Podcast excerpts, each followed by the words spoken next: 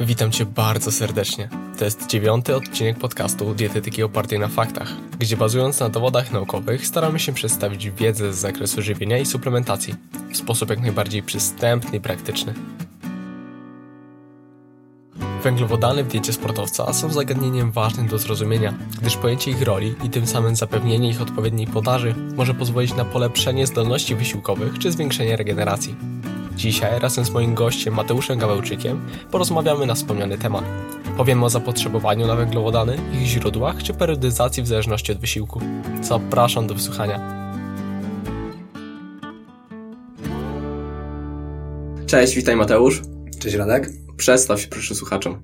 Nazywam się Mateusz Gawełczyk, jestem dietetykiem sportowym. Na co dzień pracuję w Centrum Edukacji Żywieniowej i Sportu, gdzie współpracuję z zawodnikami na różnym poziomie, od amatorów po profesjonalistów, medalistów Mistrzostw Świata czy Europy, a poza tym wykładam na Akademii Wychowania Fizycznego w Katowicach, głównie przedmioty związane z żywieniem i suplementacją. Mhm. Tematem, jaki chcielibyśmy poruszyć, jest, są węglowodany w diecie sportowca. I tak naprawdę warto byłoby zacząć od wstępu, czyli roli węglowodanów w diecie sportowca, czyli patrząc pod względem fizjologii sportu, czy te węglowodany są konieczne, czy są potrzebne, w zależności od charakteru wysiłku, jak to wygląda? Generalnie wiemy, że węglowodany podczas trwania aktywności fizycznej są tym podstawowym paliwem energetycznym. To, czy one będą mniej czy bardziej koniecznie, będzie uzależnione przede wszystkim od tego, jak długi będzie to wysiłek i jak duża będzie intensywność. Wiadomo, że im czas tego wysiłku będzie się wydłużał, im intensywność tego wysiłku będzie wyższa, tym te węglowodany będą bardziej potrzebne. Aczkolwiek coraz więcej mówi się o dietach niskowęglowodanowych i ich wykorzystaniu w sportach głównie wytrzymałościowych, na ten moment badania jeszcze nie potwierdzają, aby te diety były bardziej skuteczne od diet wysokowęglowodanowych w, tych, w tych dyscyplinach, aczkolwiek ja widzę jakieś tam pole manewru i zielone światło w wysiłkach ultra, gdzie, gdzie faktycznie diety niskowęglowodanowe albo praktycznie diety ketogeniczne może udałoby się je wprowadzić i miałoby tam pozytywne zastosowanie. A w przypadku sportu o charakterze krótkotrwałym, tam tłuszcze raczej nie będą Tłuszcze nie będą odgrywały większej roli, głównie będzie zapotrzebowanie, w zależności znowu od tego, jak krótki będzie to wysiłek, będzie, będzie polegało głównie na źródłach węglowodanowych, ewentualnie będzie to ATP fosfokreatyna, jeżeli to będzie bardzo krótki wysiłek. Mhm. A w przypadku źródeł węglowodanów w diecie sportowca, jak to wygląda? Czy w przypadku, czy musimy bazować na tych e, złożonych źródeł węglowodanów, czy e, im większe zapotrzebowanie, tym możemy bardziej sobie pozwolić na te proste źródła węglowodanów? W przypadku odżywek na przykład węglowodanowych. Mówimy cały czas o węglowodanach nie w trakcie trwania wysiłku, tylko, tylko ogólnie, ogólnie, w ciągu całego dnia. Myślę, że dla większości osób jednak będziemy dalej preferowali te złożone źródła węglowodanów, czyli pełnoziarniste produkty zbożowe. Będziemy mówili tutaj o warzywach, owocach, chociaż warzyw nie powinniśmy traktować specjalnie jako źródeł węglowodanów, chyba że to będą strączki, ewentualnie warzywa bulwiaste. Natomiast to, czy one powinny być proste, czy złożone, będzie znowu uzależnione w zasadzie to, ile mamy czasu na regenerację pomiędzy poszczególnymi jednostkami treningowymi. Czyli im więcej osoba będzie trenowała i czym, im częściej będzie podejmowała aktywność fizyczną, tym prawdopodobnie więcej tych węglowodanów będzie w formie prostej i tych o charakteryzujących się wysokim indeksem glikemicznym. Natomiast w sytuacji, kiedy będziemy mieli laika, amatora, który trenuje 3-4 razy w tygodniu, no to raczej będziemy polegali tylko i wyłącznie na tych złożonych źródłach węglowodanów. Bo jeżeli czas na regenerację jest dłuższy niż 24 godziny, to generalnie nawet wykorzystując tylko i wyłącznie węglowodany złożone o niskim indeksie glikemicznym, ten proces regeneracji zasobów glikogenu mięśniowego i wątrobowego w zupełności będzie wystarczający. Mhm, a jak to wygląda w przypadku e, około treningowym, czyli załóżmy podczas treningu, czy przed, czy po treningu też E, bazujemy na złożonych źródłach węglowodanów? No nie, to w trakcie trwania wysiłku podajemy głównie węglowodany w formie e, płynnej, ewentualnie stałej, jeżeli ten wysiłek ja zazwyczaj pracuję tak, że jeżeli wysiłek trwa powyżej dwóch godzin, to, to pojawiają się już tam jakieś formy stałe, albo przynajmniej jakieś żele energetyczne czy batony energetyczne, natomiast e, jeżeli wysiłek jest krótszy, to jest to, to, to jest to albo woda, jeżeli jest konieczność podawania węglowodanów, to są to tylko i wyłącznie węglowodany w formie płynnej i tu mówimy cały czas o, o, tych, o tym wysokim indeksie glikemicznym, o prostych węglowodanach, z racji tego, że wtedy chcemy, żeby ta energia była dostępna praktycznie od razu do, do pracujących mięśni. Mhm, a w kiedy, przy, w jakich przypadkach warto włączyć węglowodany e, w trakcie wysiłku w ogóle? W zasadzie zalecenia są takie, że jeżeli wysiłek trwa powyżej 60 minut, to powinniśmy już zacząć dostarczać cukry proste w trakcie. Niezależnie od charakteru? Znaczy, ja mówię cały czas o wysiłkach ciągłych. Mhm. Bo jeżeli będziemy mieli osobę, która idzie na siłownię, no właśnie. Mhm. to ja generalnie w ogóle nie widzę powodu, żebyśmy uzupełniali cokolwiek w trakcie trwania e, treningu na siłowni, chyba że to będą, nie wiem, jakieś bardzo wymagające sesje treningu trójboju, trójboju siłowego. Ale to myślę, że raczej Arek ma teraz powinien się wypowiedzieć na ten temat. Mhm. Nie, nie ja. Ja z takimi zawodnikami nie pracuję. Ja mhm. pracuję głównie z zawodnikami sportów wytrzymałościowych, więc jeżeli ja mówię o, o wysiłku, to mam na myśli zawsze wysiłek ciągły. Okay. Możemy tu jeszcze przedyskutować ewentualnie kwestie przerwanych wysiłków, czyli czegoś, co, mamy często do czynienia w przypadku sportów drużynowych. Mhm. Ale tam też głównie, jeżeli wysiłek trwa powyżej 60-90 minut, to zaleca się już spożywanie węglowodanów w trakcie wysiłku, pewnie głównie w formie płynnej. Przy czym, jak patrzę na to, jak trenują często piłkarze, no, to te 90 minut to jest taka bariera, której oni mogą po prostu nie przekroczyć, więc tam w trakcie trwania wysiłku być może nie będzie konieczności podejmowania czy podawania żadnych e, form węglowodanów. Mhm. No bo tutaj warto podkreślić, że jeżeli chodzi o trening na siłowni, to w przypadku amatorów, mimo że mogą siedzieć na tej siłowni 2-3 godziny, to tej pracy tak naprawdę jest e, bardzo mało. Rzędu. Albo wcale. Albo wcale. Są osoby, które idą, robią trzy razy po pięć selfie i do domu. No. A w przypadku, jeżeli chodzi o zapotrzebowanie na węglowodany, e, w zależności od charakteru, od czasu trwania wysiłku, to jakie są rekomendacje? Albo jak ty pracujesz później ewentualnie? O i w zasadzie rekomendacje są bardzo szerokie. Mhm. Bo mówimy o 2-3 gramach węglowodanów na kilogram masy ciała dla osób, które nie podejmują żadnej aktywności fizycznej, albo jest to naprawdę bardzo krótki i trening o bardzo niskiej intensywności do w zasadzie 12 gram węglowodanów na kilogram masy ciała, co stanowi już wyzwanie. nie lada wyzwanie, tak? Do, mhm. Raz dla dietetyka do zaplanowania tego, a dwa dla amatora do, do zjedzenia. Dzisiaj rano dostałem informację od zawodnika, z którym pracuję. To jest akurat, akurat kolarz y, uprawiający kolarstwo MTB, kolarstwo górskie. I po raz pierwszy w życiu robi ładowanie takie z prawdziwego zdarzenia, bo często amatorzy, jak mówią, że oni robią ładowanie na co dzień, to polega to na tym, że po prostu na, na, zjedzą dwa razy spaghetti w ciągu dnia i to jest wszystko. No ten zawodnik charakteryzuje się stosunkowo niską masą ciała, bo jest to niecałe 70 kg, ale dostał 8-10 gram węglowodanów na kilogram masy ciała, już teraz nie pamiętam ile. No i mówi mi, dzisiaj o 10 rano, że już siedzi nad y, ryżem z jabłkiem i z cynamonem. 40 minut już nie jest w stanie więcej wcisnąć, tak? Mhm. A był pewien, że to w zasadzie wcale nie są duże ilości. Więc często w ogóle nie, niektórzy sobie nie zdają sprawy, ile to jest tak naprawdę jedzenie. Mhm. A jeżeli jesteśmy taką osobą, która trenuje, załóżmy, wytrzymałościowo, to jak sobie dobre, załóżmy, tą periodyzować te spożycie węglowodanów? Ile? Czy te 3 do 6 mg na kilogram masy ciała, czy te 12, czy to nie będzie za dużo? Mniej więcej. Wiesz, Jakby to co? określić? Mm, to zależy, jak bardzo zaawansowani jesteśmy mhm. i jak bardzo zaawansowane strategie żywieniowe chcemy skorzystać. Rozumiem, że na razie możemy odłożyć sobie na bok trening z niską dostępnością glikogenu mięśniowego, bo on raczej w sporcie amatorskim nie jest specjalnie polecany. Więc generalnie w zależności od tego, ile trwają nasze treningi w danym dniu, powinniśmy do tego dostosowywać e, ilość węglowodanów, oczywiście biorąc pod uwagę intensywność tej jednostki treningowej. Głównie mówi się o tym, że jeżeli jest to trening techniczny, trening w pierwszej strefie do godziny czasu trwania, no to 3 do 5 gram węglowodanów na kilogram masy ciała to będzie w zupełności wystarczająco. Ja podchodzę do tego, że jeżeli to, to jest trening już 60-90 minut, dalej o niskiej intensywności 5-7 gram węglowodanów na kilogram masy ciała. No i dopiero w momencie, kiedy ten trening zaczyna przekraczać 2, 2 do 3 godzin, to mówimy o większych ilościach, to jest 6-10 gram węglowodanów na kilogram masy ciała no i przy treningu trwającym 4-5 godzin o średniej do wysokiej intensywności, albo jako jeden trening dłuższy, albo jako dwa lub trzy treningi o krótszej, krótszym czasie trwania, no mówi się tutaj wtedy o 8, 12, 10, 12 gramach na kilogram masy ciała. Ile się nie mylę, to są zalecenia American College of Sports Medicine. Więc całkiem, całkiem spore ilości, dla większości osób nieosiągalne ale w ramach ciekawostki możemy powiedzieć, e, podzielić się informacją, którą ostatnio przedstawił James Morton na konferencji w Berlinie, czyli dietetyk Teamu Sky. E, Christopher Froome, który wygrał Giro d'Italia w zeszłym roku, podczas zwycięskiego etapu, gdzie w zasadzie uciekał od samego początku, już na pierwszym podjeździe zaatakował i przejechał cały etap na solo i, i żaden z, z rywali nie był w stanie go złapać, peleton również. Podobno zjadł w tym dniu 18 gram węglowodanów na kilogram masy ciała. To są ilości, które przerastają wszystkie wyobrażenia, przynajmniej te, które mieszczą się w mojej głowie. Co więcej, przekraczają informacje, z którymi, które ja gdzieś spotkałem, że tak naprawdę do tej pory największa ilość węglowodanów, jaką udało się wykorzystać w ciągu jednego dnia, to było 13 gram węglowodanów na kilogram masy ciała. Tu mówimy o 18, czyli no dosyć mocno przekroczona ta, ta, ta bariera. Pytanie, czy taka była prawda i na ile dobre były te kalkulacje, tak? Bo, mm-hmm. no bo jak mamy żel, no to nie zawsze ten żel będzie zjedzony w całości. Często kolarze bidon na przykład z izotonikiem wyrzucą w połowie, bo jest podjazd i chcą, żeby ten rower ważył te 200 gram mniej, tak?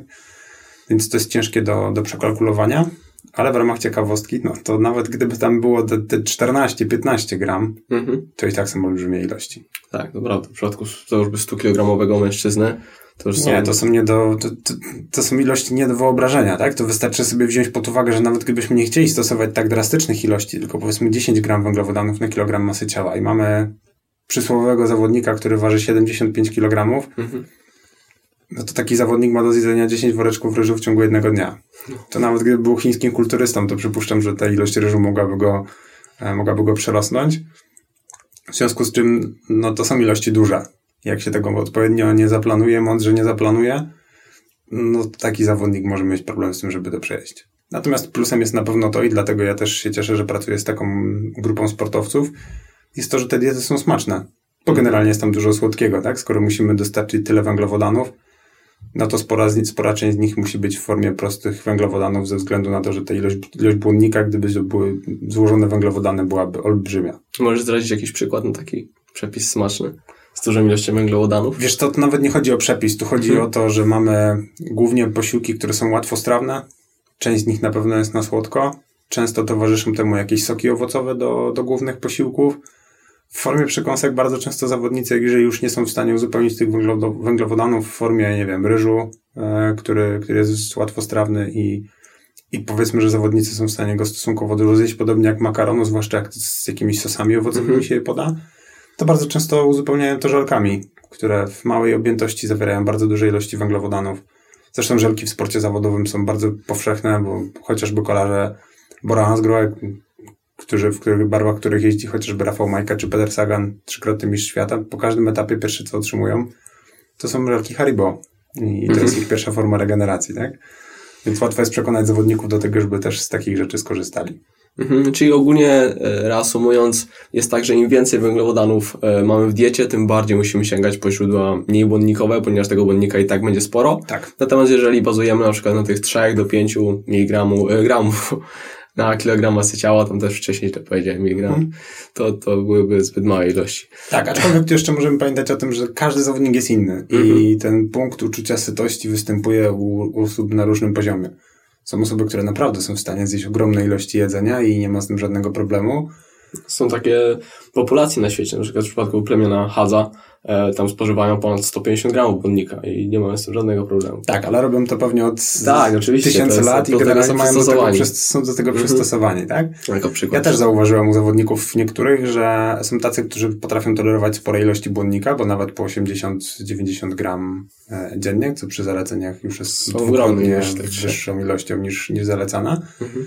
A są osoby takie, które jak mają 5000 kalorii w diecie i mają 45-50 gram błonnika, to już jest dla nich problemem, żeby to wszystko przejeść, tak żeby nie wystąpiły problemy żołądkowe i jelitowe. No to Więc, jest kluczowe, tak? Podczas tak. wysiłku. No zwłaszcza jak ktoś ma przerwy między treningami po 80 godzin, gdzie w zasadzie możemy powiedzieć, że on tylko trenuje je i śpi. Mhm. Więc jeżeli tego błonnika będzie dużo i, on będzie, i ten, ten pokarm będzie długo zalegał w, w przewodzie pokarmowym, no to generalnie będzie problem, bo któraś z tych rzeczy ucierpi na pewno. Mhm. I cały czas tutaj bazujemy na liczbach, w sensie 3 do 5, tam e, nawet do 10 gramów na kilogram masy ciała. Czyli warto to w tym przypadku periodyzować na dni treningowe albo nietreningowe? Albo w jakich przypadkach warto periodyzować to na takie dni? Mm, Im, powiedziałbym tak, jeżeli mamy sportowca, który trenuje dyscypliny wytrzymałościowe, to wydaje mi się, że warto zawsze. Mhm. E, zwłaszcza jeżeli te treningi trwają powyżej dwóch godzin, to wtedy warto sobie dostosowywać podaż węglowodanów do tego, co robimy aktualnie w ciągu jednego dnia. Pozostałych osób, czyli osób, które albo trenują siłowo, albo są to osoby, które, albo są to kolarze, którzy mają trening siłowy, bo trzeba pamiętać o tym, że to nie jest tak, że, że sportowcy wytrzymałościowi omijają siłownię, bo przynajmniej w pewnych e, okresach okresu przygotowawczego ta siłownia jest e, dla nich e, normalnym treningiem, często dwa razy w tygodniu to jeżeli mamy osobę, która trenuje na siłowni, albo jest to trening do godziny czasu trwania, to generalnie ja staram się, żeby od planu bazowego ten dzień treningowy różnił się dodatkowym posiłkiem, który jest najczęściej posiłkiem potreningowym. I jeżeli to jest osoba, która chodzi na siłownię, to to może być tylko różnica odżywki białkowej i banana na przykład, tak? Jeżeli taka mhm. osoba chce korzystać uparcie z odżywki białkowej, bo uważa, że to jest najlepsze. No to jest ogólnie ciekawy sposób, właśnie wyliczenie zapotrzebowania energetycznego, załóżmy u takiego e, amatora trenującego na siłowni, zapotrzebowania energetycznego pomijając mhm. wysiłek e, treningowy, taki zaplanowany. I w tym przypadku e, jedyna różnica właśnie między dniem treningowym a nietreningowym jest dodanie e, posiłku e, potreningowego. Natomiast w przypadku zawodowców dopóki jest to możliwe, to dalej staram się tak robić. Aha. Czyli mhm. dopóki ten trening nie przekracza półtorej, dwóch godzin, to często udaje się to zrobić tak, że mamy posiłek, który ten zawodnik je w trakcie tego wysiłku, bo na przykład mamy napój izotoniczny na tym treningu, czy pojawia się jakiś baton, czy banan, więc generalnie to, też są kalorie, które będą różniły ten dzień treningowy od treningowego. Po treningu większość zawodników, którzy ze mną pracują, mają koktajl, który też może mieć od 300 do 600, 700, 800 kalorii. Więc licząc z tym, co zawodnik ma do zjedzenia w trakcie wysiłku, to już mamy w granicach 1000 kalorii więcej. Mhm. Jeżeli potrzebujemy więcej, no to możemy wprowadzić jeszcze jakąś dodatkową przekąskę, tak? Czy to w postaci suszonych owoców, czy orzechów, która też będzie łatwa dla takiego zawodnika do zabrania. A to wszystko jest robione po to, żeby ten plan, był w miarę uniwersalny. Trzeba pamiętać o tym, że jak pracujemy z amatorem, no to fajnie, że mu zaplanujemy, że on, on dzisiaj ma 3 godziny roweru i, mhm. i ma w diecie powiedzmy 5000 kalorii i kupę, kupę ponad to, co powinien mieć normalnie. A tak naprawdę okazuje się, że on dzisiaj miał dużo spotkań biznesowych. Z tych trzech godzin w zasadzie ma czas na godzinę, a jeszcze leje na zewnątrz i on nigdzie nie wychodzi. No i miałem już zawodników, bo, ja pracuję akurat z zawodnikami, jak już się biorę za to tak, że mają periodyzowany ten, ten plan żywieniowy mhm. pod treningi przeze mnie i każdy dzień mają planowany pod to, co mają zaplanowane przez trenera. No i zdarzały mi się sytuacje, gdzie zawodnik mówi, ty no, słuchaj, ja stosuję twój plan żywieniowy w 100% i przytyłem. Ja mówię, no ty ja się cieszę, że stosujesz plan żywieniowy w 100%, ale planu treningowego nie realizujesz nawet w 50%. I to nie, nie realizujesz go dlatego, że tych treningów nie robisz, a zjadasz tą zaplanowaną ilość kalorii, która obejmowała te treningi, tak?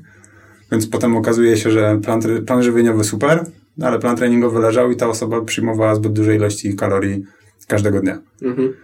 Dlatego właśnie tutaj ten sposób, o którym powiedzieliśmy, że zapotrzebowanie kaloryczne wyliczamy i osobno dodajemy kalorie związane z wysiłkiem, jest o tyle fajny, że w momencie, gdy przypadkiem pominiemy, albo zdarzy nam się sytuacja, gdy pominęliśmy ten e, wysiłek fizyczny, to nic się nie stanie, bo nie zjemy po prostu tego posiłku treningowego. A jeżeli mielibyśmy te kalorie rozłożone w ciągu mhm. tygodnia tak samo, e, to w tym momencie mogłoby dojść do nadprogramowego przytycia na przykład. No tak, to, to daje nam po prostu większą mhm. kontrolę nad tym, co się dzieje z zawodnikiem, z którym pracujemy, tak?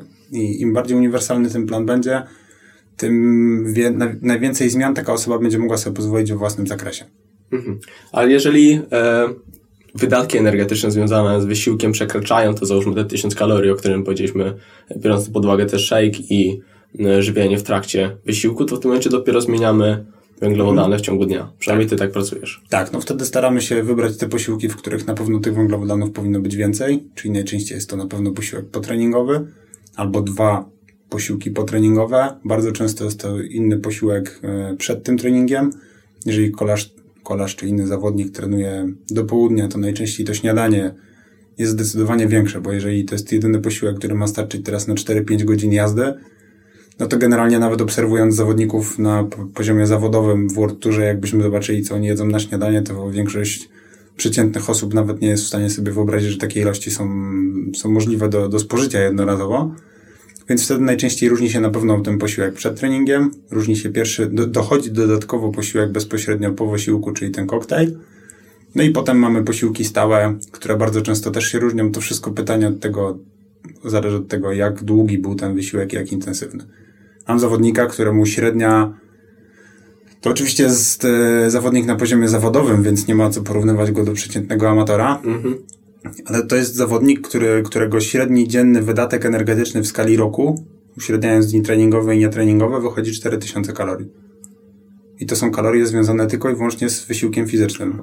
Czyli do tego jeszcze mamy plus 2000 no tak. licząc podstawy i powiedzmy jakiejś tam niewielkiej aktywności fizycznej minimum w ciągu dnia, tak?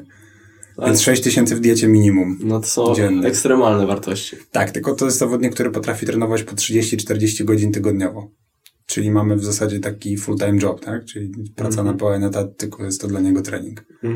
No dla amatorów to jest niewyobrażalne i to jest, trzeba No. właśnie odróżnić przede wszystkim ama- amatora od e, zawodowców. To, że zawodowcy podczas wysiłku e, biorą, spożywają na przykład żele energetyczne, jakieś tam periodyzują to żywienie pod, e, w trakcie wysiłku. Jeżeli jesteśmy amatorem i trenujemy stosunkowo tru, krótko, e, przykładowo idziemy biegać 10 km, czy tam idziemy biegać godzinę, to czy w tym przypadku stosowanie takich e, mm, na przykład żelów energetycznych czy żywienia w trakcie wysiłku ma w ogóle sens? Absolutnie nie. Przy tym No dystansie, który podałeś, to, No, no właśnie, to trzeba podkreślić. to generalnie nawet e, nie ma sensu rozważania zabierania żadnego picia ze sobą, Mhm. bo jest to wysiłek, który jest zbyt krótki, tak? Jeżeli są faktycznie skrajnie niekorzystne warunki atmosferyczne i mamy gorąco, no, no to faktycznie fajnie jest zabrać ze sobą albo jakiś niewielki bidon, albo butelkę z wodą i nie wiem, jak biegamy pętlę w parku czy wokół jakiegoś stawu, to sobie ją rzucić pod drzewo.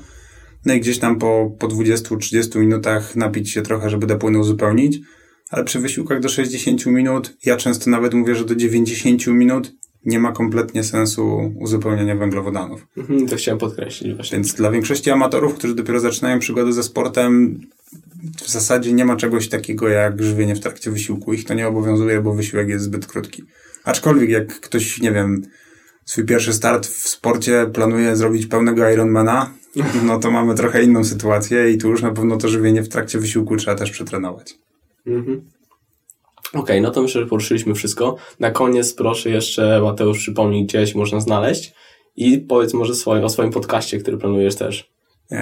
Generalnie na, jestem obecny prawie we wszystkich mediach społecznościowych, ale, ale gdzieś naj, najwięcej mnie jest na, na Facebooku i na Instagramie. Na Instagramie jako Sports e, Podłoga, tak to się chyba mówi, Jest. Sports Podłoga Dietitian. E, ewentualnie Mateusz Gawełczyk, też bez problemu można mnie znaleźć. E, chociaż na Facebooku więcej dzieje się na firmowym fanpage'u Centrum Edukacji Żywieniowej i Sportu.